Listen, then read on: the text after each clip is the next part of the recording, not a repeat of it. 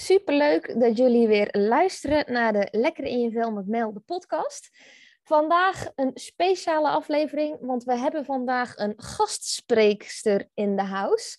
En dat is niemand minder dan Lieke de Bever van Topfit Suikervrij. Een toponderneemster die ook oud topvoetbalster is geweest. Dus oftewel, alles helemaal into, uh, into top. en uh, ja, superleuk dat je er bent, Lieke. Ja, dankjewel voor de uitnodiging. Heel leuk dat ik hier mag zijn. Ja, ja heel leuk. Ik denk dat het heel inspirerend is om, uh, om te luisteren naar jouw verhaal, naar jouw eigen lekker in je vel proces, hoe dat bij jou verlopen is, waar je vandaan komt. En dat het ook heel inspirerend kan zijn om, uh, om te luisteren hoe dat bij jou verlopen is en waar je stond en waar je nu staat. En uh, ja, daar wilde ik eigenlijk. Ik denk, daar kunnen we wel een mooie podcast over maken deze keer. Nou, zeker. Je hebt uh, de juiste persoon te gast, uh, denk ik. Dat denk ik ook.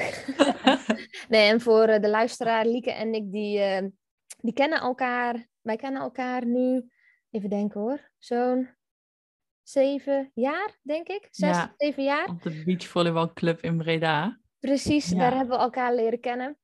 En eh, daarbij eh, hadden we allebei onze gedachten over elkaar. In de positieve zin. In hoe goed eh, Lieke het voor elkaar had, dacht ik. En hoe goed Lieke dacht dat ik het voor elkaar had. Ja, en terwijl we daar- allebei op ons eilandje zaten. Ja, precies. En vanuit daar hebben we eigenlijk altijd contact gehouden toen Lieke naar het buitenland is gegaan. En vanuit daar haar bedrijf is gestart en haar leven eigenlijk er nu uitziet zoals die ziet. En dat we nog steeds eh, zakelijk, zowel zakelijk als privé, elkaar eh, goed kunnen helpen. Altijd een luisterend oor ehm, zijn voor elkaar. Ja. En dat het dus heel mooi is ook om ehm, ja, jouw proces ehm, ja, te mogen laten vertellen aan de wereld. En hoe inspirerend dat die ook is. Ja, met de billen bloot vandaag, denk ik hier. Ja, dat denk ik ook. dus, Maar goed dat we er geen beeld bij hebben. Nee, Alleen nee. een podcastgeluid. dus om daar dus mee te starten, denk ik dat het leuk is om eh, te starten met de vraag: ehm, hoe lekker in je vel zit jij op dit moment? Nou, een goede vraag ook meteen.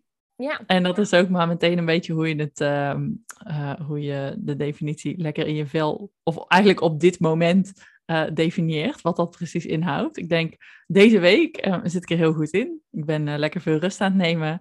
Ik voel me goed, zit lekker in mijn vel in dat opzicht. Eh, maar dat is zeker niet altijd zo geweest. En ik denk dat ik op dit moment daarin eh, ja, best wel mijn eigen struggles ken. Ehm, wat voornamelijk gelinkt is ook aan, eh, aan voldoende ontspanning nemen. Ehm, nou, zoals ik dus net geïntroduceerd ben, ik heb mijn eigen bedrijf. Ik heb eigenlijk twee bedrijven op dit moment. En vanuit mijn prestatieverleden ehm, ja, vraagt dat nogal wat van mij. Als in, ik ben heel gemakkelijk iemand die over haar eigen grenzen gaat. En dat, dat is vallen en opstaan. Dus dat eh, gaat een beetje ook eh, ja, in flows en in, eh, in periodes heel goed, in periodes wat minder. En dan betaal ik daar zelf de tol voor. En dat is een proces waar ik in zit, waar ik wel het idee heb dat het, ja, dat het steeds beter gaat. ja. En als we, je, je begon eigenlijk heel mooi, hè, dat je zei van ja, één, wat is het lekker in je vel zitten? Ja, Ehm, en wat daar de definitie van is, en dat die definitie ook nog eens dagelijks of wekelijks een, een andere definitie zou kunnen krijgen. Ja. met, met de persoonlijke ontwikkeling tot nu toe, met het, eh, alles wat je tot nu toe hebt mogen ervaren, hebt mogen leren, hebt mogen begrijpen. Ehm, wat zou jij dan zeggen wat het lekker in je vel zitten voor jou betekent? Wat zou dat voor jou zijn? Of wat is dat voor jou? ja, mooie vraag ook. Eh, misschien wel leuk ook voor degenen die mij niet kennen, om even toe te lichten. Ik ben eigenlijk van, eh, van nature gezegend met een heel snel metabolisme. Dus lekker in je vel betekent voor mij eigenlijk nooit ehm, of ik mijn kleding goed pas, want dat is eigenlijk een vast gegeven. Daar heeft het bij mij nooit invloed op. Ehm, ik word eigenlijk sneller wat te licht dan dat ik wat te zwaar word. Dus in dat opzicht meet ik lekker in mijn vel nooit aan dat. Maar eh, waar ik ook mee eh, gezegend ben, is een, ehm, een eh, verteringssysteem dat super gevoelig is. En op het moment dat ik eigenlijk te hard werk, te weinig ontspanning neem, daarin eigenlijk te veel stress heb. Ik zou zelf eigenlijk nooit zeggen van oeh, ik ben echt gestrest of zo, maar mijn systeem ervaart wel stress. Ben ik inmiddels achter dat dat de vertaling is.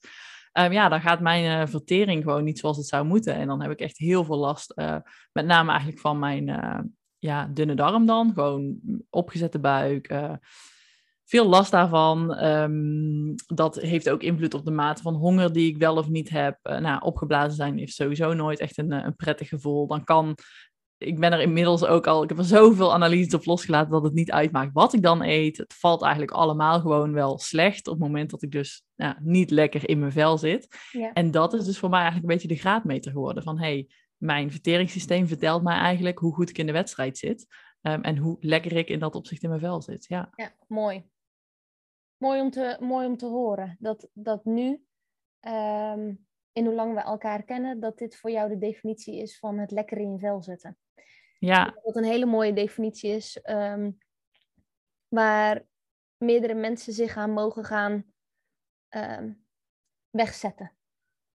Ja, en ik denk dat ieder lichaam signalen geeft. En bij iedereen kan dat wat anders zijn. Uh, we zijn alleen niet meer gewend om daarnaar te luisteren. En ik ben er steeds meer achter dat ergens in mijn hoofd zit nog wel van: um, dit ga ik een keer op kunnen lossen. Maar ik denk dat het op dit moment vooral in mijn leven is om mij wat te brengen. En dat ik er op dit moment dus aan af kan lezen hoe ik er zelf in sta. En ondanks het feit dat ik ervan zal genezen of niet, um, ik geloof er namelijk nog echt in dat mijn verteringssysteem ook nog beter kan dan dat het nu is, zal het denk ik altijd mijn soort van zwakke plek blijven. En op het moment dat ik uit balans raak, dat ik dat daarin zal kunnen blijven voelen. Um, dus dat heb ik ook in een, ik zit in een proces en in een fase waarin ik dat aan het accepteren ben dat dat mijn systeem is en mijn manier. Ja, precies. En ik denk dat het heel mooi is wat je zegt, dat het een, een zwakke plek is voor je. Ik, ja. herken dat, ik herken dat bij mezelf ook als we het hebben over het lekker in je vel uh, zitten. Ik denk dat iedereen daarin wel een, een zwakke plek heeft in, in zijn of haar systeem. En of dat nu spijsverteringsgerelateerd is, uh, of dat is meer iets structureel, zoals hoofdpijn of juist iets hormonaals. Dat het uh, kunnen gaan zien dat het geen zwakke plek is, maar het kunnen gaan zien als een meer een guidings system, als een soort van gids ja. um, voor jezelf. Dat je weer weet van, oh, wacht eens even. Ik, uh, ik ben weer te hard van stapel aan het lopen, waardoor die balans ja. die ik uh, dan ergens had, nu toch weer wat meer uit verband wordt getrokken. En daardoor dan toch weer minder lekker in mijn vel zit. Hoe is dat voor jou?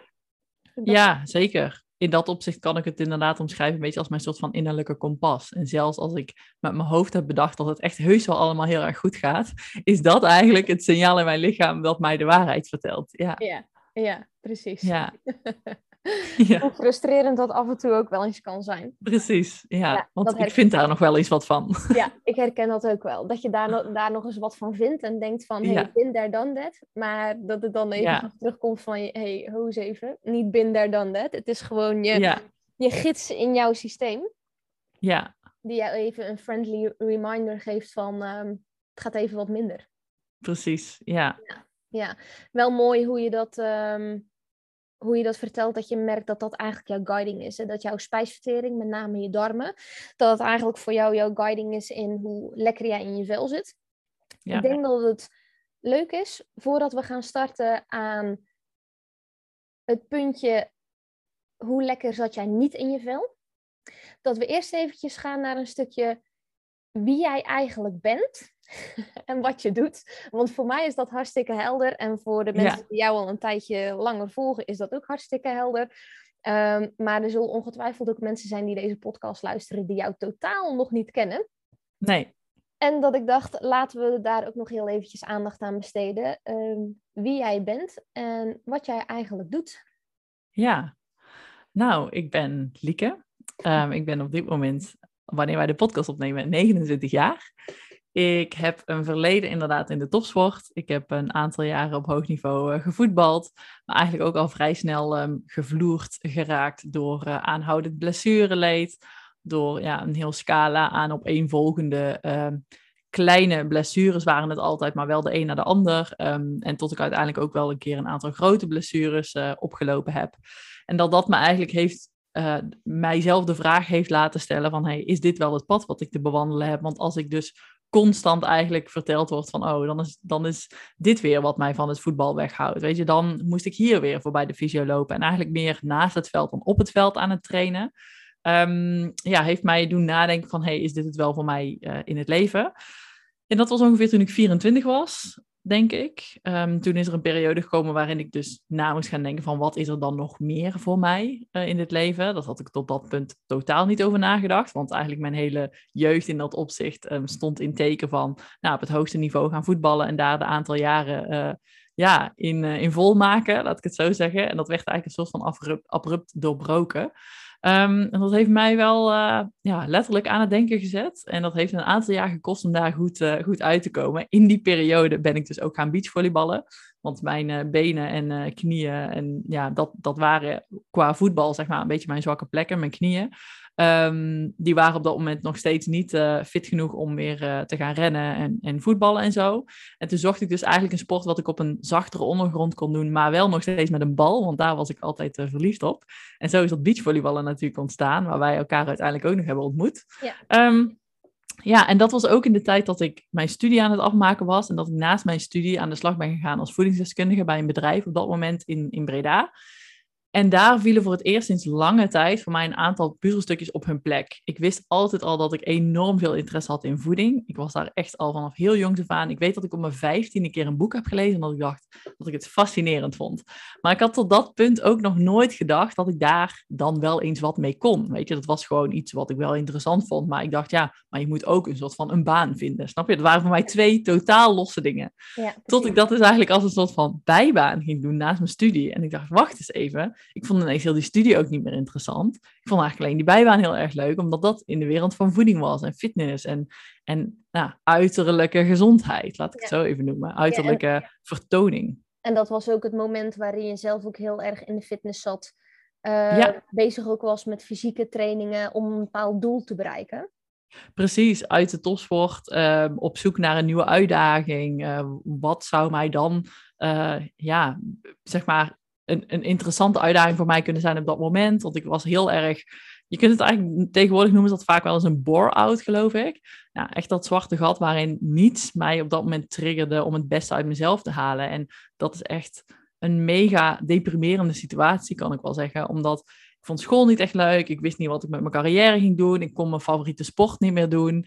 Um, ik had al die tijd gespendeerd in een stad waar ik dus nu niet meer woonde. Dus mijn sociale leven was daar weg. En ik kwam eigenlijk weer een soort van terug in het dorp waar ik ooit vandaan kwam. Zonder richting, zonder uitdaging, zonder motivatie. Ik voelde me echt ook een beetje misplaatst in de maatschappij als topsporter, die dus nu maar ineens in een soort van normale systeem mee moest draaien. Echt een mega mismatch was dat. Um, en ik dacht, ja, ik liep echt letterlijk met mijn ziel onder mijn arm en ik dacht, wat moet ik? En toen dacht ik, oké, nou dan ga ik zelf maar een uitdaging creëren. En aangezien ik toch al zoveel aan het revalideren was en in de sportschool zeg maar mijn spieren weer sterker moest maken, zo dacht ik, nou dan maak ik wel project uh, fitste versie van mezelf. Ja. En ik ga er alles aan doen om dat uh, voor elkaar te krijgen. En ik ging daarover lezen met voeding en nou, ik was dus veel aan het trainen en toen kwam ik dus in dat bedrijf ook terecht waar ik uh, aan de slag mocht. En dat was daar allemaal ook op gericht. Uh, dat was op dat moment paste dat mega in mijn straatje. Um, en zo is dat eigenlijk uh, een beetje begonnen. En vanuit daar uiteindelijk dat ik na een aantal maanden al wist van oké, nou, ik ken het spelletje hier wel voor een beetje. Ik was er eigenlijk vrij snel ook alweer weer klaar mee in dat opzicht. Um, ik had grotere uitdagingen of grotere ambities. Um, in dat bedrijf was het toch redelijk protocollen volgen veel van hetzelfde. Uh, we hielpen mensen gratis, maar er waren ook vaak mensen die dus nooit meer terugkwamen. Dus daar stak je tijd en energie in. Nou, dat was ook al niet helemaal mijn, uh, mijn, mijn cup of tea, zeg maar. Het type mensen. De zingeving kwam er ook niet echt Precies. uit. Precies. Nee. En daar had ik dus na een aantal maanden, zes maanden of zo, al wel zoiets van, nou, ik denk niet dat ik hier heel lang ga zitten. Maar het zaadje was wel degelijk geplant voor wat ik echt tof vond om te gaan doen. Um, ja, en zo is het uiteindelijk het balletje gaan rollen voor mij om, uh, om voor mezelf te beginnen. Omdat ik dacht, hé, hey, dan kan ik het vormgeven zoals ik zie dat er uh, betere en meer resultaat kan worden gehaald. Um, ja, mensen beter begeleid kunnen worden. Ja, en vanuit daar is eigenlijk de geboorte ontstaan van jouw onderneming. Ja, precies. in eerste instantie uh, was dat uh, Lieke de Wever coaching als eerste. Ik ging gewoon als voedingscoach en, en mindsetcoach uh, voor mezelf aan de slag. Um, en daarin met uh, één op één klanten begeleid om ze nou, letterlijk ook lekkerder in hun vel te laten zitten. En daarin ook een goede relatie met eten en sporten. Weet je, een goede routine ontwikkelen voor jezelf. Um, bepaalde mindset struggles uh, kunnen tackelen. En uiteindelijk is daar ook nog een soort van vertakking van gekomen, wat een, uh, een tak is geworden die heel erg gericht was op suiker. Dat is uiteindelijk een eigen bedrijf geworden en dat is dus Topfit suikervrij geworden, omdat ik er uh, ja, heel hard in geloof dat suiker uh, niemand van ons heel erg goed doet. En dat, is, ja, dat heeft ook een vlucht genomen en dat is eigenlijk een heel leuk proces. Ja, precies. Ja, dat is uiteindelijk van waar je begonnen bent en hoe dat nu staat, is dat echt een fantastisch bedrijf geworden. En ja. daarin echt wel, uh, vind ik dat ik daarin echt wel mag zeggen dat je daarin een succesvolle onderneemster bent. Ja, uh, omdat je dat zo op poten hebt gezet. En ja, en het is inderdaad een heel ander bedrijf en een heel ander um, verdienmodel dan dat één op één coaching is. Weet je, één op één coaching is met veel meer aandacht voor het individu. Um, en ja, veel meer tijdsinvestering daarin op maat gemaakt. Weet je, alles helemaal afgestemd op één persoon. Waar het bij Topfit Suikervrij eigenlijk meer de verkondiging is van de boodschap van hey, we mogen met z'n allen wat minder suiker gaan eten. En ik bijna in de gaten krijg dat ik een soort van voorbeeldfunctie aan het worden ben. En mensen vertellen van hey, je moet dat account gaan volgen, want daar komen dingen naar voren, weet je, van producten in de supermarkt waar zoveel suiker in zit. En je moet dat echt weten. En mensen die me zeggen, ik heb al zoveel van je tips geleerd en zo van hoe je suiker op een etiket leest en zo. Dus ik dien daar een veel groter, uh, ja, veel grotere doelgroep. Ja, precies. Ja, met één duidelijke boodschap, minder suiker. Ja, inderdaad. Want als we gaan naar een stukje van jouw um, minder lekker in je velproces, van waar het, het eigenlijk ontstaan is, dat, dat vertel je al eigenlijk heel mooi, hè? vanuit een stukje ja. bore-out, het zwarte gat. Um, dat stukje bedrijf wat je nu hebt, Topfit Suikervrij, is natuurlijk ook niet uit de lucht gevallen. Dat komt ook ergens nee. vandaan. Ja, dat klopt. Kan je me daar eens uh, van meenemen? Zeker. Nou, ik denk als we het hebben over de periode waarin ik niet goed in mijn vel zat, nou, dat uh, mag voor zich spreken. Dat was zeker in die periode, net na de topsport. Um, ik zou mezelf omschrijven echt als iemand die vanaf jongs af aan echt altijd al een zoete kou was. Je weet dat je een beetje van die twee categorieën hebt, weet je, mensen die meer hartig georiënteerd zijn en mensen die wat meer zoet georiënteerd zijn. Nou, ik was 100% zoet georiënteerd. En het was ook zeker in die periode dat ik ja, dat ik daar eigenlijk misschien wel nog meer mijn plezier en mijn geluk uithaalde. Omdat dat was lekker, weet je. En, en ik hoefde me sowieso geen zorgen te maken over hoe ik eruit zag. Ik sportte dan wat minder uren, maar dat had niet direct meteen een invloed op hoe ik eruit zag. Ja. Um, en op een gegeven moment begon dat wel voor me aan te nemen dat ik dacht, ja, dit is eigenlijk niet oké. Ik ben echt zo afhankelijk van die zoetigheid. Ik was daar ook hele dagen mee bezig in mijn hoofd. Weet je, dan stond ik op het station en dan dacht ik, oh, zal ik nog even wat lekkers kopen? Of zal ik dat zal ik later thuis even wat nemen, weet je. En als ik dit dan nu eet, kan ik dan later misschien nog, nou, de hele dag door. En op een gegeven moment was ik daar echt uh, ja, een beetje klaar mee. En dat is het punt geweest voor mij om te denken van, hé, hey, wat is dat eigenlijk met die suikers? En me daar eens wat meer in gaan verdiepen. Um, dat was dus ook in die periode dat ik heel erg bezig was met fitness. En dan ging het allemaal over calorieën tellen en macro's bijhouden. En daarin werd juist weer heel tegenstrijdig gezegd van, oké, als je maar oplet op die macro's en hoeveel vet je binnenkrijgt en hoeveel koolhydraten en hoeveel eiwitten, dan kun je het daarbinnen een beetje zelf verdelen. Oftewel, dan kon ik bij wijze van spreken, en ik zeg dit omdat ik dit daadwerkelijk een keer heb gedaan. Ja. ik kon al mijn koolhydraten bewaren voor heel de dag. En dan zou ik dat met pepernoten in kunnen vullen. Want, weet je, dan had je gewoon aan het eind van de dag, was je niet over de schreef gegaan. Had je binnen je caloriebudget gehouden. Um, had je het aantal koolhydraten gegeten wat er uh, voor jou uitgerekend was, dat je dat binnen mocht krijgen. En dan had je daar dus ook in voorzien. En dat zie je dus heel erg terug. Dat heeft nu een naam ook. Dat heet uh, inter If It Fits Your Macros. Ja, um, je ziet dat een beetje met die bakken met beukers, weet je wel. En, en, en, niks ten nadelen daarvan. Maar het is allemaal heel creatief boekhouden van... oké, hoe kan ik zoveel mogelijk lekkers in mijn dag wringen... binnen mijn caloriebudget? Ja, en dan krijg je dus allemaal van die zoetstofproducten... Uh, nou, eiwitrepen, eiwitshakes... Als je een beetje in die wereld zit, dan zie je dus dat mensen de hele dag daarop teren. Um, en ondertussen zag ik dat het mijn, uh, mijn verteringssysteem ook niet echt ten goede kwam. Um, Precies. En, want, uh, om even ja. in te breken, je merkt dus dan als we het hebben if it fits your macro's, ook heel erg de fit girl beweging. Ja. Um, uh, dat hoe minder calorieën het bevat, want daar gaat het dan uiteindelijk om. Hè? Ja. Dat, dat, het liefst zo min mogelijk calorieën, uh, want dan kan je hoger in volume, Meer volume. Zitten. Ja. Dat je dus ziet dat dat heel veel chemische troep bevat. En dus heel ja. veel uh, uh, zoetstoffen. Ja. Uh, zoals stevia bijvoorbeeld, omdat daar natuurlijk dan geen calorieën in zit, maar je krijgt dan wel het zoetje, waardoor Precies. je eiwitreep dan toch lekkerder smaakt. en ja. je nog dan het gevoel hebt dat je iets ongezonds ehm, aan het eten bent, maar dan ja, tussen aanhalingstekens het toch gezond is. Ja. Uh, want het fits je macro's en uh, ja, het is een chemisch troepje, dus uh, het kan niet zoveel kwaad doen op je systeem.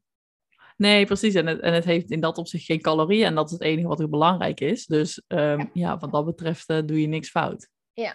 ja, en dat is denk ik ook wel belangrijk om te vertellen, ook in deze aflevering, dat als we kijken naar gezondheid, als we kijken naar een stukje leven in je systeem in plaats van overleven.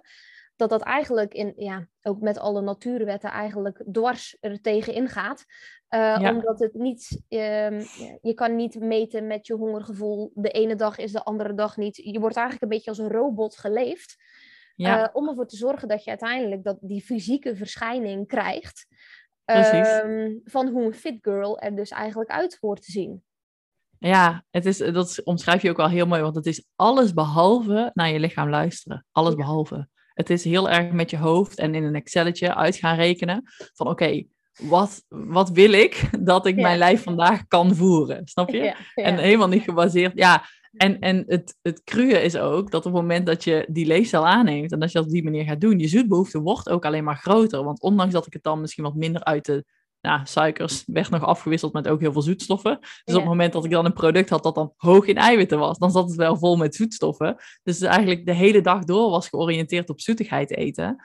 Um, ja, dan ga je, als je dan gaat luisteren naar je lichaam, dan wil het alleen maar meer, meer, meer en meer zoet. En het leek al alsof ik daar op een gegeven moment, ik, ik kwam daar niet meer uit. Ik, ik was daar nou, geobsedeerd door.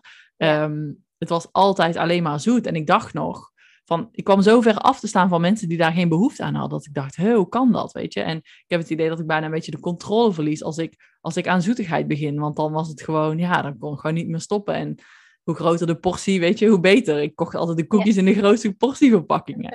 Dus ja, dat is zo bizar eigenlijk. En, en dat was wel ook het punt dat ik me besefte van, hé, hey, ik ben dan misschien wel iemand die zoet georiënteerd is, en dat is mijn voorkeur. Ja. Maar dat heb ik wel degelijk zelf versterkt. En die suikers daaraan toegeven, het, het is zeg maar niet zo van, oh, dat, dat ben ik nu eenmaal. Nee, dat had ik ook wel zelf gecreëerd. En dat was een heel belangrijk realisatiepunt. En dat is pas gekomen op het moment dat ik echt ben in gaan zien en ben gaan ervaren wat het effect is van suiker op mijn systeem. Ja, En dat was gigantisch. Ja. ja. precies. En ik denk ook zeker door um, te gaan werken met calorierestricties, het niet luisteren naar je lichaam, daar ergens dat fysieke beeld zo vast hebben. Dat daardoor je lichaam dus al die signalen is gaan afgeven van... hé hey, jongens, er gaat hier iets niet goed. Uh, Er is iets anders nodig. Ja. Dat dat dan ook gewoon als een sneeuwbal, in het sneeuwbaleffect, alleen maar groter en groter gaat worden. Ja, en hoe meer je jezelf in die soort van um, restrictie zet en, en calorieën tekort komt, um, ten koste van een bepaald uiterlijk, want dat is me wel gelukt. um, maar goed, ten koste van alles, daar dus ook in. Ja hoe meer het lichaam jouw signalen gaat geven wat het echt nodig heeft. En in eerste instantie is dat brandstoftekort. Ja, waar is de brandstof in? Brandstof is glucose. En wat is glucose? Is natuurlijk suiker en koolhydraten. Dus jouw drang naar dat soort producten wordt ook alleen maar groter en versterkt. Um, ja, en dat is wat jij zegt. Dat wordt op een gegeven moment een soort van sneeuwbaleffect. Want dat telt bij elkaar op. En je bent jezelf aan het uithongeren. En, en je hebt al die zoetbehoeften, want je zit jezelf de hele dag zoetigheid te voeren. Ja, dat, dat wordt zo'n groot pakket. Waar je op een gegeven moment denkt van wauw, um, zij, ik, ik, hoef eigenlijk mijn, mijn warme maaltijd, weet je, als ik die over zou kunnen slaan, dan kunnen we meteen naar het toetje. Ja, precies. precies. Ja. En eigenlijk door vanuit die bore-out, vanuit dat zwarte gat, uh, je stortende op die fit girl versie van jezelf, je vanuit daar eigenlijk um, steeds minder lekker in je vel ben gaan komen te zitten, omdat je eigenlijk, ja, dat creëerde zich eigenlijk vanzelf door dat idee vast te houden. Ja, of, en te denken dat dat je iets zou opbrengen. Zeker, want ik, ik kan dus wel bevestigen van, ik ben op dat moment denk ik het strakst, als je dat zo kunt noemen, uh, met het meest afgetraind geweest dan ik ooit ben geweest. Maar ik kan je ook bevestigen dat dat me absoluut niet gelukkig heeft gemaakt. En met meer gedachten aan eten dan dat ik ooit heb gehad. Um, en dat is niet, denk ik, per se voor het uithongeren, maar het is meer de manier waarop ik invulling heb gegeven aan dat patroon, waardoor dat zo versterkt werd. Dus ik zei ook van, nou, dit is, ik, ik zeg dat nog steeds wel eens van, dat is de periode dat ik het meest afgetraind was en het meest ongelukkig. Dus die combo is het vooral. Dus de vraag is dan inderdaad, wat is belangrijk in het leven? Hè? Is, wat, wat brengt je dat om, om zo op die manier uh, met eten bezig te zijn? En los daarvan, als je, als je het meet in termen van gezond zijn, nou, dat was het alles behalve natuurlijk. Want mijn lichaam kreeg geen voedingsstoffen binnen. Nee, het kreeg macro binnen, macro's binnen. Ja, precies. Het kreeg eh, de 1600 calorieën binnen met een x aantal uh, macro's aan vet om je ervoor te zorgen dat je zo laag in je vetpercentage kwam. Precies. Dat daardoor de contouren nog meer zichtbaar waren van hetgene van hoe jij in je hoofd had hoe een fit girl er dan uit moest zien. Exact, ja. Of, of een fit girl, in dit geval denk ik de fitste versie van jezelf.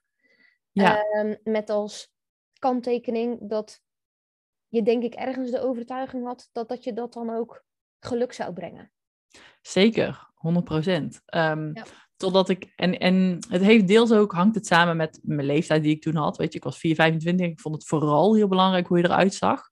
Uh, ik was nog niet zo heel veel bezig met echt, weet je, gezondheid zoals ik dat nu uh, daarmee bezig ben. En dat ik inzie dat dat nog zoveel meer is voor je. Um, maar ja, dat ik er dus ook achter kwam van oké, ik heb dan nu de uiterlijk van een fit girl, maar in mijn hoofd en in mijn mind ben ik zo geobsedeerd met eten, want ik had honger. Um, ik was de hele dag op zoek naar zoetigheid. Ja, dit, dit is eigenlijk niet de versie waar ik voor had getekend. Weet je, in mijn gedachten was dat iets anders. En, en ik wilde eigenlijk, als ik keek naar een soort van ideaalbeeld of identiteit, ik wilde me juist associëren met uh, nou, als je dan gaat kijken naar Pinterest-plaatjes of Instagram-plaatjes, weet je, die meiden die daadwerkelijk een salade staan te maken omdat ze er oprecht zin in hebben en daar heel erg van kunnen genieten. En die dan zeggen: Nee, ik hoef eigenlijk dit niet, want daar heb ik nu niet zo'n trek in. Terwijl dat was niet mijn realiteit. En dat waren eigenlijk wel dingen waar ik naar streefde en die ik belangrijk vond. Dus ik dacht: Hé, hey, als je echt iemand bent die fit bent, dan vind je dus gezond eten belangrijk.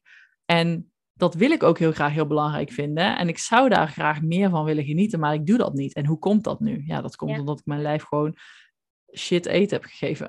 Ja, precies. Dus echt, je merkte eigenlijk door daarmee bezig te zijn dat het ehm, binnen het lekker in je vel zitten, waarin we een aspect hebben van mentale gezondheid, emotionele gezondheid, een stukje relationele gezondheid met jezelf, een stukje spirituele gezondheid, de zingeving in je leven.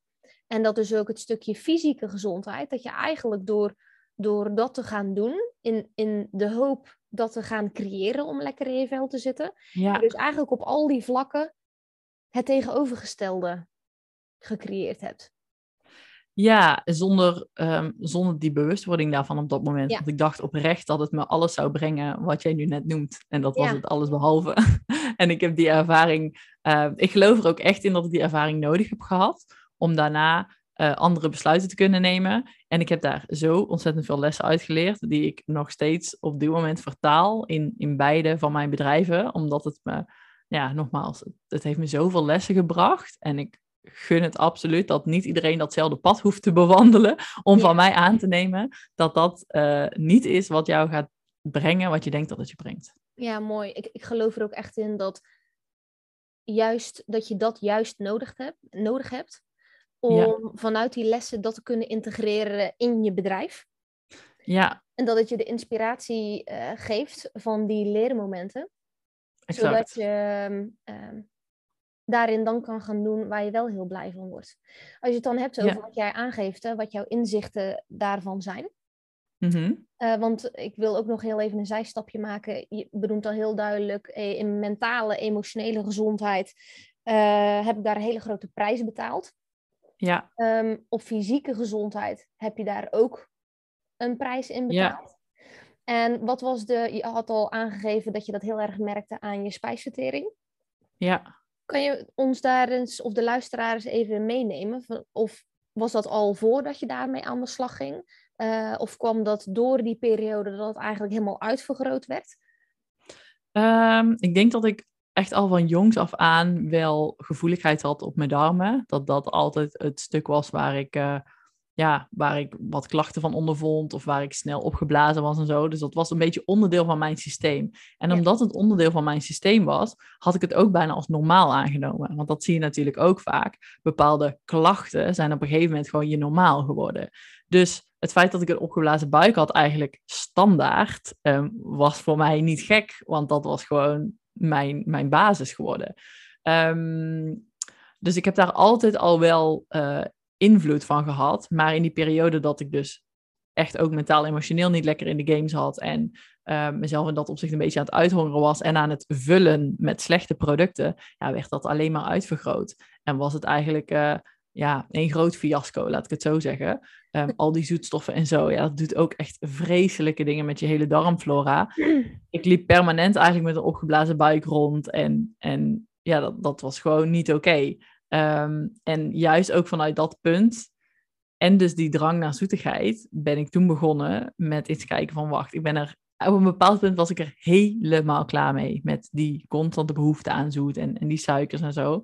En ik dacht, wat zou er dus nu eens gebeuren als je die suikers weglaat? En daar is even helemaal niet aankomt. En dat is een periode geweest um, waarin dat ook nog kwam in een combinatie met stress. Dus het was geen topper van een combo, maar het heeft me wel uh, uh, gebracht waar ik eigenlijk naar zocht. Want het is een periode geweest waarin ik helemaal niet uh, aan zoetigheid heb gezeten en aan suikers. En tegelijkertijd, ondanks die stress, was dat een periode dat mijn buik rustiger was dan ooit. En ik dacht maar, wauw, er ging echt een wereld voor mij open. En ik dacht, wat de hek is dit? Ik herkende mezelf niet. Ik, ik, er gebeurde zoveel rare dingen op dat moment voor mij. Uh, ik was helemaal niet zoveel met eten bezig. Nou, mijn buik was rustiger, mijn huid was zoveel beter. Ik was opgewekter. Um, ik was in het algemeen gewoon, weet je, rustiger en stabieler. Um, als iemand uh, me aanboten of ik iets wilde, een koekje of zo, dan dacht ik, nou, ik hoef het gewoon eigenlijk niet. En tegelijkertijd dacht ik, kan iemand mij verknijpen, want ik ken dit gevoel niet van mij, weet je. Ja, dit, dit ben ik niet. het was zo bizar. En, en dat was het punt dat ik dacht, maar dit is niet, dit is dit is gek en dit is bizar. En zou dat echt komen van, van al die zoetheid en van die suikers? En dat is het punt dat ik er eigenlijk nog meer in geïnteresseerd raakte.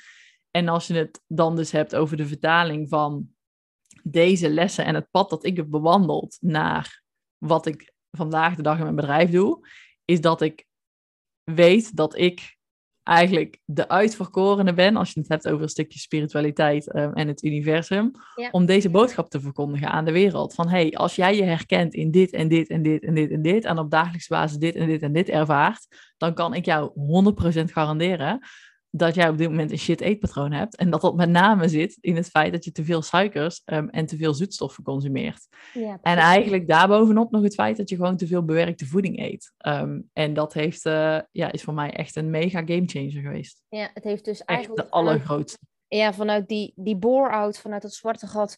Op ja. alle vlakken uh, van het lekker in je vel zitten, dat dat eigenlijk ervoor heeft gezorgd dat dat eigenlijk de katalysator is geweest. Dus die spirituele gezondheid, die zingeving, terug te ja. vinden in je leven. Dat eigenlijk juist al die leerlessen vanuit die periode ervoor gezorgd ja. hebben dat je dat nu, um, nu zingeving ervaart vanuit het werk wat je doet. Ja, ja, 100%. Ja, dus ik weet ook, uh, ondanks dat dat niet, niet de leukste tijden zijn om op terug te kijken in dat opzicht, weet je, het zijn zeker, uh, je, je leven kent een aantal hoogtepunten en dieptepunten. Um, ik zou dat niet per se als mijn hoogtepunt omschrijven, laat ik het zo zeggen. Maar het heeft me wel zoveel gebracht om een, om een hoogtepunt te kunnen creëren. Ja, dus dat opzicht, ik weet zeker dat het op mijn pad heeft moeten komen om, uh, uh, om mij zingeving te kunnen bieden. Ja. ja, precies. Geloof jij er ook in dat um, vanuit die spirituele uh, gezondheid, dus dat stukje zingeving, dat vanuit daar ook de bal is gaan rollen uh, naar alle andere facetten van het lekker in je vel zitten. Dus ook naar het, de relatie met jezelf, het mentale, emotionele aspect en het fysieke aspect. Dat dat, ja, dat, dat zeg maar een beetje de, de start is geweest van, van jouw eigen proces. Ja, ja zeker. Um, ze zeggen ook wel eens nieuw level, nieuw devil natuurlijk. Um, nadat ik uh, dus in de gaten had wat, uh, wat suikers zo allemaal met mij deden. Um, dat ik al het idee had gepland voor mijn eigen bedrijf. Dat ik daar uh, langzaam uh, mijn start mee ging maken. Kwam eigenlijk mijn topsport, het topsportertje in mij weer naar boven. Um, yeah. En ging ik eigenlijk helemaal los op het, op het creëren van die zingeving voor mezelf. En ja, ging ik letterlijk ook weer aan al mijn eigen grenzen voorbij om dat mogelijk te maken. Want dat was ook wel een beetje wat ik meegekregen heb. En wat jij natuurlijk ook herkent uit duizenden. Um, een beetje opgevoed met uh, niet lullen, maar poetsen. En daar een drive en een motivatie achter zetten van... ik zal wel eens even laten zien dat, dat dit gaat lukken. Vertel mij maar dat het niet zo is. Ja, dat, um, um, dat heeft mij op dat vlak, terwijl ik eigenlijk fysiek beter voor mezelf aan het zorgen was, uh, me ook weer nieuwe uitdagingen gegeven. Want hey, mijn verteringssysteem begon toch weer op te spelen. Hoe kan dat? Weet je, waar zit hem dat in? Uh, waar heeft dat mee te maken? En zo ben ik eigenlijk langzaam weer een, een laagje verder gekomen van hé, hey, wacht. Um, het heeft dus niet altijd te maken met dat wat ik dus daadwerkelijk eet, maar inmiddels weet ik dus de spanning die er staat op mijn systeem. Um, en ik geloof er ook echt in dat de struggles die ik daarin ervaar, dat die me ook weer les aan het leren zijn. En ik kan daar nog niet altijd helemaal bij. Um, en ik doe mijn best om daar steeds meer van te leren ontdekken en er meer van uit te vinden, van wat dat dan precies allemaal is. Um, maar ik weet 100% zeker dat dat er inderdaad ook is om mij een aantal nog meer belangrijke lessen te delen waar ik uiteindelijk nog meer mensen mee kan helpen. Of in ieder geval ook mezelf beter mee kan helpen. Om meer dichter tot de kern te komen bij mezelf. Ja, precies. Want dat is denk ik wat je aangaf, hè, dat eerst je buik heel erg opspeelde van de suikers. En dat je juist heel lekker ging op stress. Dat je buik daardoor juist uh, uh, rustiger was. En dat op het moment dat je dus met je bedrijf aan de slag ging. En die buik dus weer terug op begon te spelen. Dat jij dacht van, hé, hey, Um, Oké, wat nu? Ja, en ik denk dat het in het begin vooral de combinatie was van er was dan wel stress, maar die, dat ik die suikers eraf liet, um, dat creëerde in eerste instantie gewoon zoveel rust. Want dat was bijna gewoon van shock op mijn, op mijn lichaam van, hey, wat is dit nou, weet je? Dit, dit is gewoon relax. Um, kleine, of kleine, eigenlijk grote veranderingen kunnen dan in het begin heel veel positieve resultaten geven. Maar uiteindelijk is dat weer je nieuwe normaal. Dus mijn nieuwe normaal was eigenlijk veel beter eten maar die stress was er nog steeds. En dat werd eigenlijk mijn soort van volgende prikkel weer in dat hele spel. Van hé, hey, wacht, wat is daar nu mee aan de hand, weet je? Hoe kan het nou dat sinds ik beter eet, um, die buik toch weer op begint te spelen? Dus het paste zich eigenlijk aan naar de situatie waar ik op dat moment dan weer in zat. En dat was gewoon mezelf eigenlijk ja, veel te hard uh, uh, voorbij lopen. En in eerste instantie wist ik dat niet, hè? want dat was gewoon ook mijn mijn basis. Dat was mijn manier van functioneren. Ik dacht, ja, waar hebben we het over? Ik zit er eigenlijk wel lekker in, weet je. We gaan, we gaan lekker, we zijn weer hard aan het gaan. Ik las toevallig ook uh, gisteren een, uh, een, post op Instagram van iemand. Volgens mij was het van die uh, Running Lau, Laura Breide. Die zei van, ik ben eigenlijk over het algemeen iemand die goed gaat op adrenaline. Dus die, die goed gaat op het feit dat er in de achtergrond, op de achtergrond iets groots aan het gebeuren is. Weet je al, een soort van, uh, ja, noem maar een nieuw bedrijf, uh, een verhuizing, uh, een grote reis die gepland staat. Weet je, die soort van excitement die daarachter zit. En voor mij was dat ook eigenlijk mijn soort van levensenergie. Ja, dat er, referentiekader ook. Ja, dat er, dat er grote dingen bezig waren, dat ik hard aan het werken was. Die soort van adrenaline kick waar je dan op zit voor een, nou, weken kan ik wel zeggen, of maanden. En als ik daar dan even van afviel, dan dacht ik, oh, maar dit is niet goed. Dan moest ik daar weer heel snel terug naartoe, weet je. Um, dus dat was gewoon mijn way of going. Um, totdat ik er dus eigenlijk achter kwam, nadat ik ook onder andere ja, met jou heel veel gesprekken heb gevoerd, uh, via jou eigenlijk ook weer bij een coach terecht ben gekomen, die mij voor het eerst eigenlijk vertelde, ja Malika, dat wat jij aan het doen bent is gewoon overleven, dat is niet leven. En toen dacht ik, oh, oh. Um, want daardoor liep ik eigenlijk ook weer tegen een aantal andere dingen aan. Ik was best wel hard. Um, ik was best wel een beetje in dat opzicht, um, ja, hoe zou ik zeggen? Snel geprikkeld, snel geïrriteerd. Ik kon weinig van andere mensen hebben. Ik was heel oordelend naar de wereld. En uh, um, dat zat mezelf eigenlijk op een bepaald punt dwars totdat ik daar even liefdevol mee geconfronteerd werd, dat dat vooral was omdat ik dat zelf had gecreëerd. Toen dacht ik, oh, dat was niet helemaal het antwoord dat ik had verwacht. Ja. Um, en zo is er uh, weer een laagje gekomen op uh, persoonlijke ontwikkeling, dat ik dacht, hmm, dit, dit leert mij weer wat. Dat dit niet uh, de juiste frequentie is waarop je je leven mag leiden. Ja, precies. Ja. Ik, ik denk ook dat dat ook weer nodig is. Als we het hebben over het lekker in je vel zitten, dat het altijd gepaard gaat in laagjes. Hè? Net zoals dat je net zelf heel mooi zei, every level a new devil. Ja. Ik denk dat, dat elke keer als je een laagje daarin afpelt, dat dat je ook weer een nieuw uh, referentiekader geeft. En vanuit daar weer verder kan van, oh, maar wacht eens even. Ik dacht eerst dat dat eh, in jouw verhaal uh, de fitste versie van mezelf was. Nou, dan kwam je erachter dat de fitste versie van jezelf eigenlijk allemaal met zich meebracht. En dat dat eigenlijk ervoor zorgde dat je mentaal, emotioneel heel erg in disbalans kwam. Fysiek ook heel erg in disbalans kwam. En dat uh, in eerste instantie um, ook met betrekking tot spirituele gezondheid de zingeving er nog steeds niet was. Ja. Maar dat het er wel voor gezorgd heeft, door met dat proces aan de slag te gaan, wel die eye-openers heeft gegeven van, oh, ik, ik kan hier mensen mee helpen. En dat daardoor al één van die vlakken in ieder geval weer terug in een balans begon te komen. En vanuit daar weer het volgende vlak in balans begon te komen. En dat, dat geloof ik dus ook heel sterk. Dat wat je nu ehm, vanuit daar weer heb ervaren van... hey, ik stort me volledig op mijn bedrijf. Want die zingeving, die adrenaline... dat is zo'n lekker gevoel. Eindelijk, na die jaren waarin ik me zo erg... Ehm, ehm, in die bore-out, in die, in die zwaarte, in die zwartheid heb Demotiveerd. Ja. Dat is wat ik wil. Dat is waar je dan aan vastgrijpt. Omdat Precies. je denkt, yes, ik, ik kan weer, uh, ik kan weer uh, mijn leven kleuring geven. Ja, en dit is wat ik zelf heb gecreëerd en ik ga, en ik, ik ga dan niet meer loslaten. Ja, ja. Ik denk dat het ook een mooi uh, bruggetje gelijk is naar een stukje zonder pijn geen groei. Um, je benoemde dat al op een gegeven moment met betrekking tot die suikers, dat je aangaf van, hey, op een gegeven moment was de pijn zo groot. Um, ik besloot om daarmee te stoppen. Met betrekking tot je zingeving was daar op een gegeven moment ook een pijn uh, die daarin zo groot was, waardoor je besloot van, hey, ook uh, met betrekking tot mijn bedrijf, dit moet anders. Ja. Um, kan jij eens een voorbeeld geven als we het hebben over uh, het eerste stukje met betrekking tot je eigen gezondheid? Wat was voor jou zo'n moment waarin je dacht: hey, deze pijn uh, of deze frustratie is mij zo groot, dit moet anders? Want we zijn als mens zijn eigenlijk allemaal georiënteerd op een stukje overleven. Hè? Vanuit ons reptiele brein, dat is waarvoor we eigenlijk gedesigned zijn. We zijn mm gedesigned om te overleven. Uh, van nature en niet om te leven. Als we maar van ja. weg kunnen rennen uh, en om ervoor te zorgen dat we daardoor kunnen blijven leven, dan is dat prima. Um, ja, totdat je dus op een punt komt dat je denkt van, in dit geval ook bij jou, en ik denk dat dat voor iedereen uiteindelijk zo geldt in een lekker in een vel proces, dat er dus op een gegeven moment een punt komt waarin je denkt, wacht eens even, leuk en aardig, maar dit kan het niet zijn.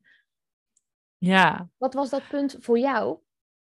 Ja, dat is denk ik uh, het punt vorig jaar geweest waarin mijn bedrijf eigenlijk de groei doormaakte waar ik al hele lange tijd op zat te hopen en, en hard voor had gewerkt, maar nog niet de resultaten van zag. Um, en dat was het punt dat ik ja, zoveel klanten eigenlijk te dienen had op dat moment, dat ik mezelf eigenlijk niet meer kon dienen. Um, en zo in een soort van overlevingsstand zat, dat ik gewoon merkte dat ieder weekend, eigenlijk iedere zaterdag, ja, herkende ik mezelf gewoon eigenlijk een beetje niet. Ik was gewoon um, een beetje down. Ik had niks te bieden. Ik was heel laag in mijn energie. En ik dacht, jeetje, ik heb echt een dag bij te komen van mijn week, weet je. En er bijna van uitgaande dat die week gewoon normaal was. Maar dat, het, dat ik niet meer zo stressbestendig was of zo, weet je. Dat ik daar dus niet in uh, uh, presteerde, laat ik het zo zeggen. Ja. En dat ik dacht, oh, dan moet ik misschien toch wel ook echt de zondag nog vrij nemen, want dan kan ik tenminste weer goed opladen. Ik was mijn, mijn weekend aan het organiseren, zodat ik er die week in ieder geval niks uh, aan hoefde te veranderen. Ja. En dat is toen achtergekomen van, oh wacht, misschien is dit eigenlijk wel een beetje te veel van mij. Want ik, ik kom erachter dat ik, ja, dat ik daarin eigenlijk ook weer een beetje vastloop. Dat dit ook overleven is. Dat dit me niet per se eigenlijk meer het plezier brengt. Wat het me in eerste instantie wel bracht. Maar dat het nu eigenlijk een beetje het, ja, te veel kost in dat opzicht. Um, ja, dat is eigenlijk wel het punt dat ik dacht, wacht, volgens mij mag dit... Uh, mag dit weer anders? En, en dat vroeg natuurlijk ook weer zijn tol op mijn systeem. Want ik was bijna niet aan het eten. Uh, mijn buik was uh, helemaal uh, ja, niet te genieten in dat opzicht. Ik dacht, nou, als ik dan niet eet, dan heb ik daar minder last van. Dus dan was ik gewoon maar heel, heel weinig. En daarin is eigenlijk slecht voor mezelf aan het zorgen. Ja. allemaal maar ten dienste van dit bedrijf wat ik had opgebouwd, wat me zoveel plezier gaf. En wat ik dacht, ja, maar ik kan dat nu niet loslaten. Ik kan dat nu niet anders doen, want dit is waar ik zo hard voor heb gewerkt. En dit is wat ik zo graag wilde. En ik kan het mezelf niet veroorloven. En ik zal het mezelf nooit uh, toestaan dat ik dat dan een beetje met de pet na zou gooien. Weet je, zo voelde dat voor mij. Dus ik kon niet anders voor mijn gevoel. Ja, um, en toch bleek wel dat dat uh, ook niet helemaal de vorm was. Nee, maar dat was ik, natuurlijk uh, de referentiekader die je had vanuit de, de ja. mindset. Uh, vanuit dat je dat gebracht heeft, uh, dat je uh, in Nederland tot een bepaald niveau eh, in de topsport hebt kunnen zitten. Dat heeft ervoor gezorgd dat je, ehm, toen je bent verhuisd naar Australië, Um, dat dat ervoor heeft gezorgd dat je in Australië nog heel goed hebt kunnen presteren, ook binnen de voetbal. Iets wat je nooit had bedacht, uh, maar, wat je wel, uh, maar wat je wel voor elkaar hebt gekregen. En dat je dus op basis van die topsportmentaliteit, wat enerzijds een hele mooie mentaliteit is, want het heeft je gebracht waar je tot, waar je tot vorig jaar gekomen was, maar dat dat dus eigenlijk, als we het hebben over de grootste pijn, wellicht jouw, jouw grootste angel was. Zowel op fysiek vlak vanuit, hey, ik wil eerst de fitste versie van mezelf worden. Want dat zorgt er dan voor dat ik weer gelukkiger word. Uh, vanuit daar een stukje focus op het bedrijf met die mentaliteit. Uh, want dat gaat me daarin helpen. En dat je dus, daar dus vorig jaar echt achter kwam van, hey, die strategie pas ik nu gewoon toe. Nog steeds van toen, uh, maar dan op bedrijf, ehm, ja, bedrijfsmatig. Ja, wat er niet voor zorgt dat hetgene wat ik eigenlijk daadwerkelijk wil, nee. dan komt. En dat Precies. is lekker in je vel zitten op alle vlakken in je leven. Ja, en ik denk dat ik op alle gebieden in dat opzicht gewoon vanuit mijn topsportachtergrond all in ga, altijd. Ja. En dat ik er dan dus achter kom dat all in niet het antwoord is. Want de daadwerkelijke zingeving, gezondheid, plezier, uh, voldoening zit hem als je niet tot de max gaat. Want tot de max betekent dat je uitgeput raakt en dat je daarvan bij moet komen. En dan val je weer in een soort van gat waarin je denkt, ho, maar hier is het ook niet leuk. En hier is het ook niet gezellig. En hier, weet je, hier, ja, hier wil je niet te lang in zitten. Maar dat heb je dan weer nodig om bij te kunnen komen van die pieken die je zelf hebt gecreëerd. En dat is een, echt een letterlijk vallen en opstaan. Ehm, en de ironie daarvan is natuurlijk dat ik dat alleen maar terugzie bij mijn klanten in hun soort van eetgedrag. Precies. Want dat is ook eigenlijk alles of niets. Ja. Ehm, waarin ik dus inmiddels de rode lijn kan trekken. En hey, dat doe ik dus eigenlijk op, op andere vlakken in mijn leven. En de les die daarin zit is, pas eigenlijk als je alles in balans hebt en als je die balans kunt bewaken, ja, dan kun je het, you can have it all. Maar dan moet je dus wel die grenzen goed bewaken voor jezelf. Ja, ja dit is echt, ik denk, het allermooiste inzicht voor jezelf, maar ook het allermooiste inzicht voor iedereen die nu luistert ook voor mij het allergrootste inzicht uh, geweest. Dat ja. alles of niets je niet gaat geven, die mindset, die instelling, uh, je niet hetgene gaat geven waar je zo hard naar op zoek bent. Je denkt dat het je alles gaat geven, maar het geeft je niets. Ja, ja. dat is heel mooi. Ja. Dat is heel mooi. En ik denk dat voor degene die, die dus nu aan het luisteren is, dat je dus als je het hebt over het lekker in je vel zitten. En je hebt daarin dus, hoe ik er altijd naar kijk, die, die vijf verschillende vlakken van het lekker in je vel zitten.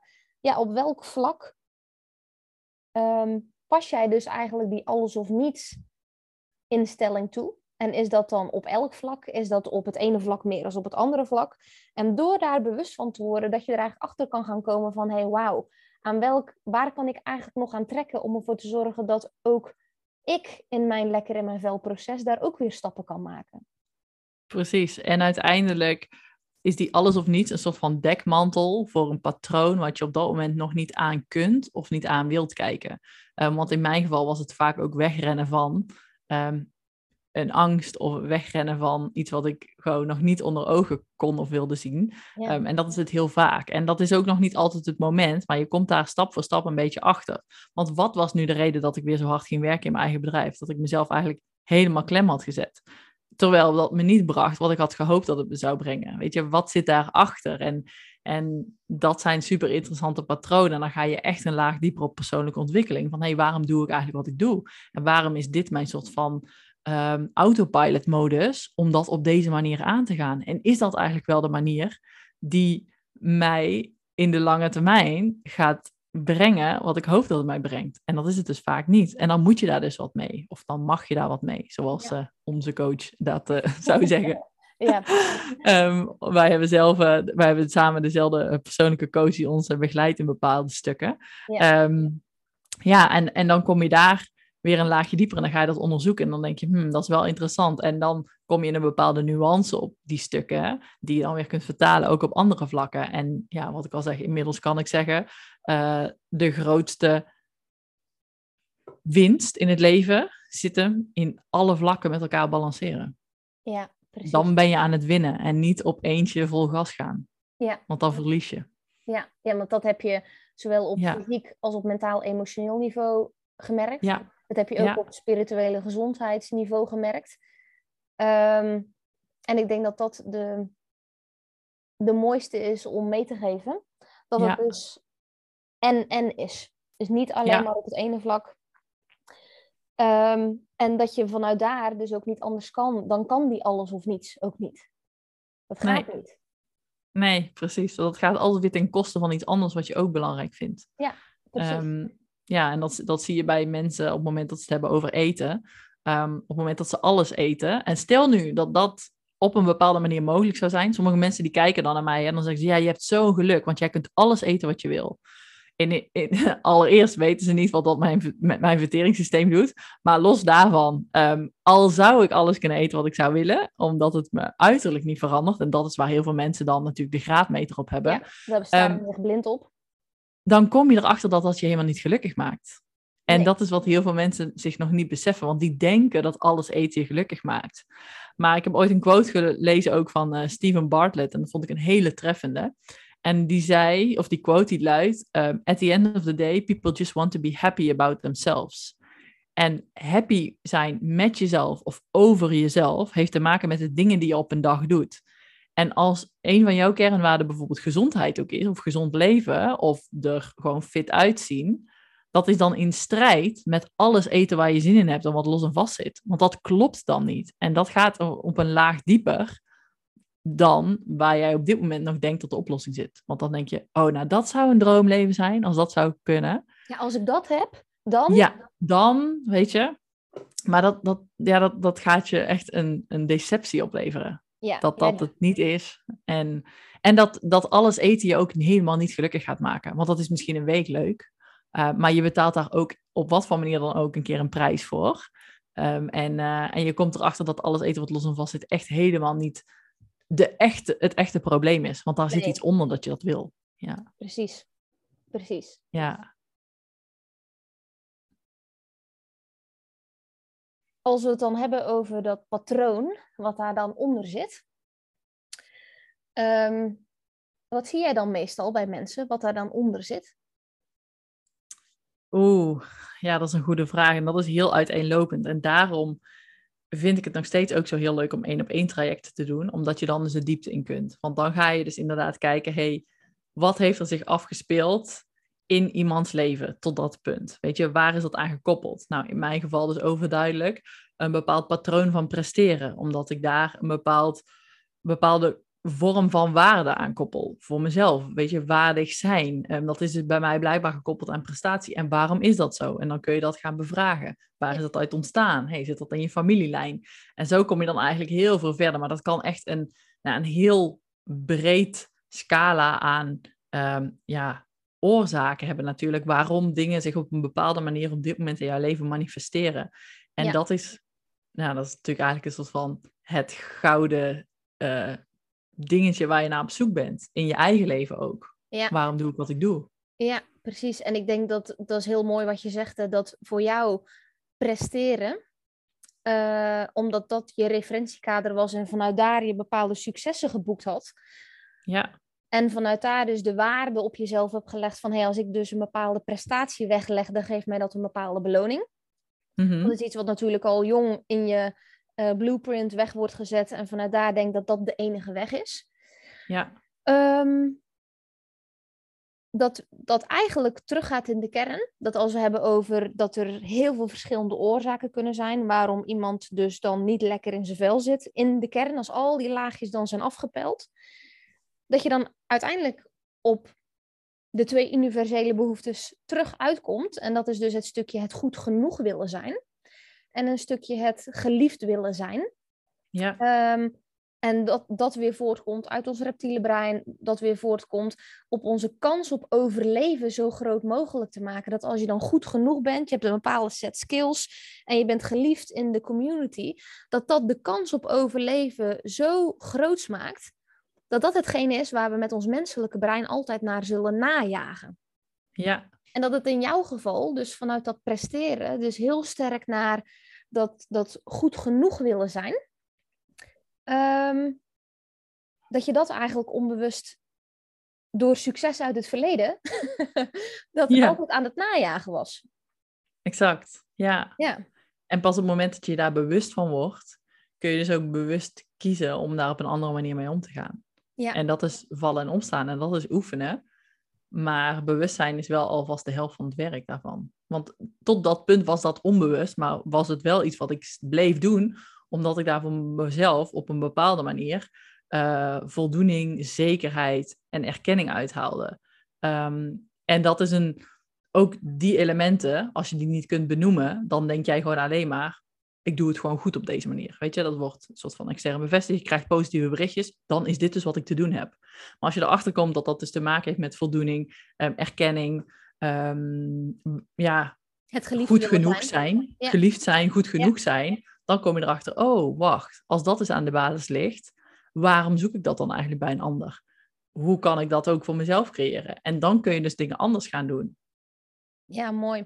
En dat Ja. heeft er dus eigenlijk voor gezorgd, door middel van die eye-openers te creëren, hoe eh, jouw systeem dus werkt, hoe, wat er onbewust zich allemaal afspeelt.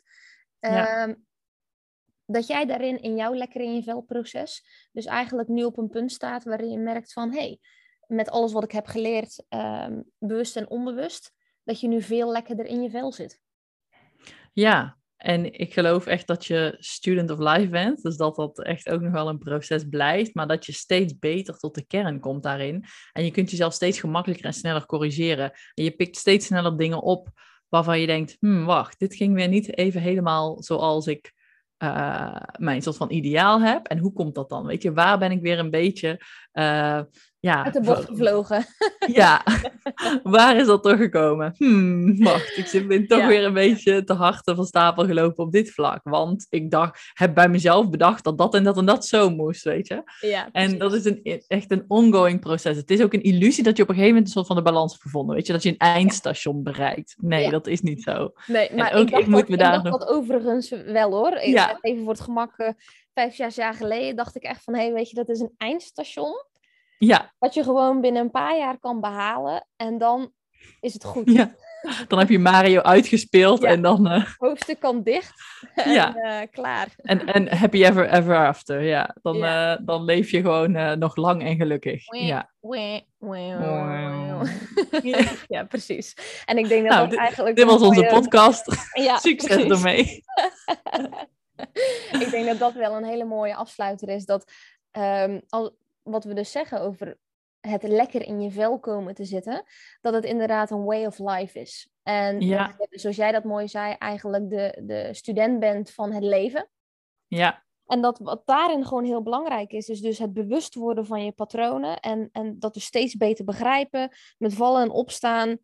Ook een beetje lachen, denk ik, om, om de repeterende ehm, ja, patronen die je dan toch weer terug omhoog komen. Dat je denkt, oh ja, wacht eens even, dat was niet de weg. Laat ik weer die andere kant op gaan. ja, Om zo steeds stapjes te kunnen maken om lekkerder in je vel te kunnen komen zitten. ja, ja, echt. En dat is, ehm, ik vind dat ook een hele leuke reis om te bewandelen, want je gaat wel merken dat je daarin dus steeds beter wordt, tussen aanhalingstekens. Ja. Ik, ik blijf nog termen van goed, beter en winnen gebruiken, hè, want dat is het nu eenmaal, eh, Ja, ja, dat is mijn vocabulaire. Maar, maar het, is ook, het is ook mooi, want uiteindelijk is alles is maar een kwestie van oefenen. Soms kunnen we door, Ja, doordat je eh, denkt dat het zo'n grote berg is, dat je gewoon in de vriestand blijft staan en denkt van hé, dit gaat mij nooit lukken. Uh, Ja. Maar weet dat het, dat het echt maar een kwestie is van oefenen. Het is maar een kwestie van trainingsuren maken om Ja. bepaalde skills te kunnen beheersen. Ja, exact. En wat daarin gewoon heel belangrijk is, echt, is altijd om uit te blijven zoomen en te kijken waar kom ik vandaan. Want je kunt je ook zo nog verliezen op de details of boos worden of gefrustreerd raken waarom je steeds toch nog een beetje vervalt in oude patronen. Maar eigenlijk zijn dat, je gaat in plaats van dat je voorheen tien treden naar beneden ging, ging je nu één tree naar beneden. Ja. En pak je het weer op en, en ga je weer een tree omhoog, weet je. En dat zijn ehm, als je het enkel ziet als in een stapje teruggaan, ja, dan is voor jou 10 gelijk aan 1. Maar als je het over een groter perspectief gaat zien, dan denk je, wacht, het zijn, ik ben eigenlijk alleen maar vooruitgang aan het boeken.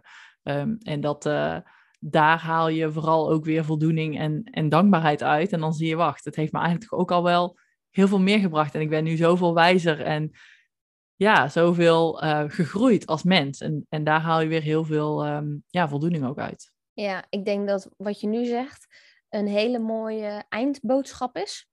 Ja. Ehm, wat elke luisteraar ook mee mag nemen. Dat dat gewoon heel belangrijk is. Op zijn tijd uitzoomen. Hé, hey, waar kom ik nu eigenlijk vandaan? Ehm, wat heb ik allemaal meegemaakt? Waar sta ik nu? En ja, wat voor stappen heb je dan eigenlijk in godsnaam allemaal gezet? Exact. Uh, doordat je je uit gaat zoomen en minder gaat blindstaren op die details. Ja, en daarvoor is het gewoon zo waardevol om met iemand te werken die jou daaraan helpt te herinneren, die die spiegel voor je is en die dat even voor je in perspectief plaatst. Want ook ik kom mezelf daarin tegen, hè, dat ik me weer verlies op de details. Ehm, en dat ik dan weer even die liefdevolle reminder nodig heb, uh, ja, dat ik uh, echt al heel veel stappen heb gemaakt. Ja. ja, ik denk dat uiteindelijk, doordat je een mens bent, uh, van vlees en bloed met een kloppend hart, dat we uiteindelijk dat allemaal op zijn tijd nodig hebben en op zijn tijd reflectie nodig hebben van iemand die net even een stapje verder op de, ja, op de ladder tussen aanhalingstekens. Ja. Waardoor je daar weer even een vriendelijke reminder hebt van, oh ja, wacht eens even, ik ben daarin al goed bezig. Uh, en, en daar ook weer inzicht in kan creëren van, ja, oh ja, hoe nu verder? Ik denk dat het heel ja. menselijk is. Ik denk eigenlijk dat het juist heel uh, raar is. Jij bent een coach, ik ben een coach de coach moet ook gecoacht worden. Ja. die coach die komt, ook niet, die komt ook niet ergens zomaar te staan. Die denkt niet opeens van, goh, ik ga even hier naar buiten staren en uh, poef. Ik heb het de inzichten komen allemaal, tot mij. Ik heb ja. het even allemaal gefixt. Nee, nee, zeker niet. En dat is, um, uh, ja, dat is wel echt een belangrijke les inderdaad. En dat je daarin hulp mag vragen. Ja. ja, dat denk ik ook. Ik denk dat met de, ik vind op zijn Engels een veel mooier woord eigenlijk dan op zijn Nederlands. Uh, dat vanuit uh, humble, vanuit, vanuit een bepaalde nederigheid, altijd te blijven kijken naar jezelf. Vanuit daar ook altijd hulp vragen.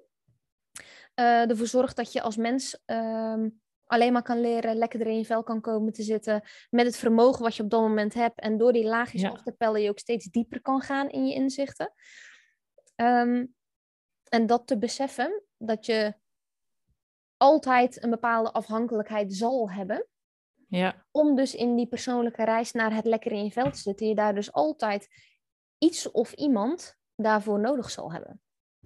Ja, ja en dat is geen dat, zwakte, uh, maar nee. dat is een kracht. Ja. ja, en ik denk dat dat de, de laatste uh, waardevolle key is die we samen gaan geven om hem nu ja. te sluiten dat dat gewoon ontzettend belangrijk is. Dat iedereen altijd een bepaalde mate van afhankelijkheid. Um, wil je groeien? Wil je persoonlijk ontwikkelen? Wil je lekker in je vel komen zitten? Dat die stap van denken het allemaal zelf te moeten doen, het denken dat vanuit onafhankelijkheid je dat allemaal kunt bereiken, dat dat ook weer een illusie is en dat je dat alleen maar kan bereiken vanuit een bepaalde mate van afhankelijkheid. Ja, en hulp toelaten vooral. Ja. Ja, ja. ja vragen en toelaten. Ja, precies. Ja, mooi. Mooi. Ja. Ik denk dat dit een hele mooie afsluiter is en dat we een uh, super waardevolle podcast hebben mogen creëren waarin heel veel inzichten uh, zonder pijn geen groeimomenten zaten, uh, heel veel levens- en leerlessen in zaten waar er weer ontzettend veel inspiratie uitgehaald kan worden. Plus ook te zien van, hey, iedereen heeft dat proces. Um, en dat de ene wellicht, in hoeverre je kan beoordelen of je een stapje hoger of lager op de ladder staat, hè, want wie bepaalt dat? Ja. Um, dat je dit weer inspiratie kan geven om ook weer antwoorden in beweging te vinden. Dus ja. dankjewel Lieke voor Heel graag gedaan. al jouw inzichten, levenslessen, levenservaring en jouw verhaal over het lekker in je vel zitten en jouw proces van waar je stond en hoe waar je nu staat. Nou, heel erg graag gedaan en jij eh, bedankt voor de uitnodiging. Ik vond het heel leuk om hier uh, ja, mijn verhaal te mogen delen en um, ja, dit stukje ook van mij te laten zien. Omdat uh, wat je op Instagram ziet is niet altijd het enige deel van het verhaal. Ja, ja precies. Heel mooi. Mooi. Jij ook hartstikke bedankt voor je kwetsbaarheid en voor het delen van dit stukje van jouw verhaal. Graag gedaan. Dankjewel voor het luisteren van deze aflevering met Lieke de Bever van Topfit Suikervrij. Ik heb ontzettend genoten van deze aflevering. Er zat superveel waarde in, superveel inspiratie. En ik hoop dat dit bij jou ook zo overgekomen is. Vond jij dit nou een hele toffe aflevering en denk jij, wauw, dit verhaal, deze inspiratie, deze waarde, dit moet iedereen gehoord hebben? Deel deze dan vooral op Instagram. En vergeet mij daar niet in te taggen. lekker in je vel met mail dubbel L. Om ervoor te zorgen dat we hem op deze manier het kunnen verspreiden. En dat we het lekker in je vel virus kunnen verspreiden ehm, over heel Nederland. Omdat ik het gun dat iedereen lekker in zijn of haar vel zit. Hartstikke bedankt voor het luisteren en tot de volgende aflevering.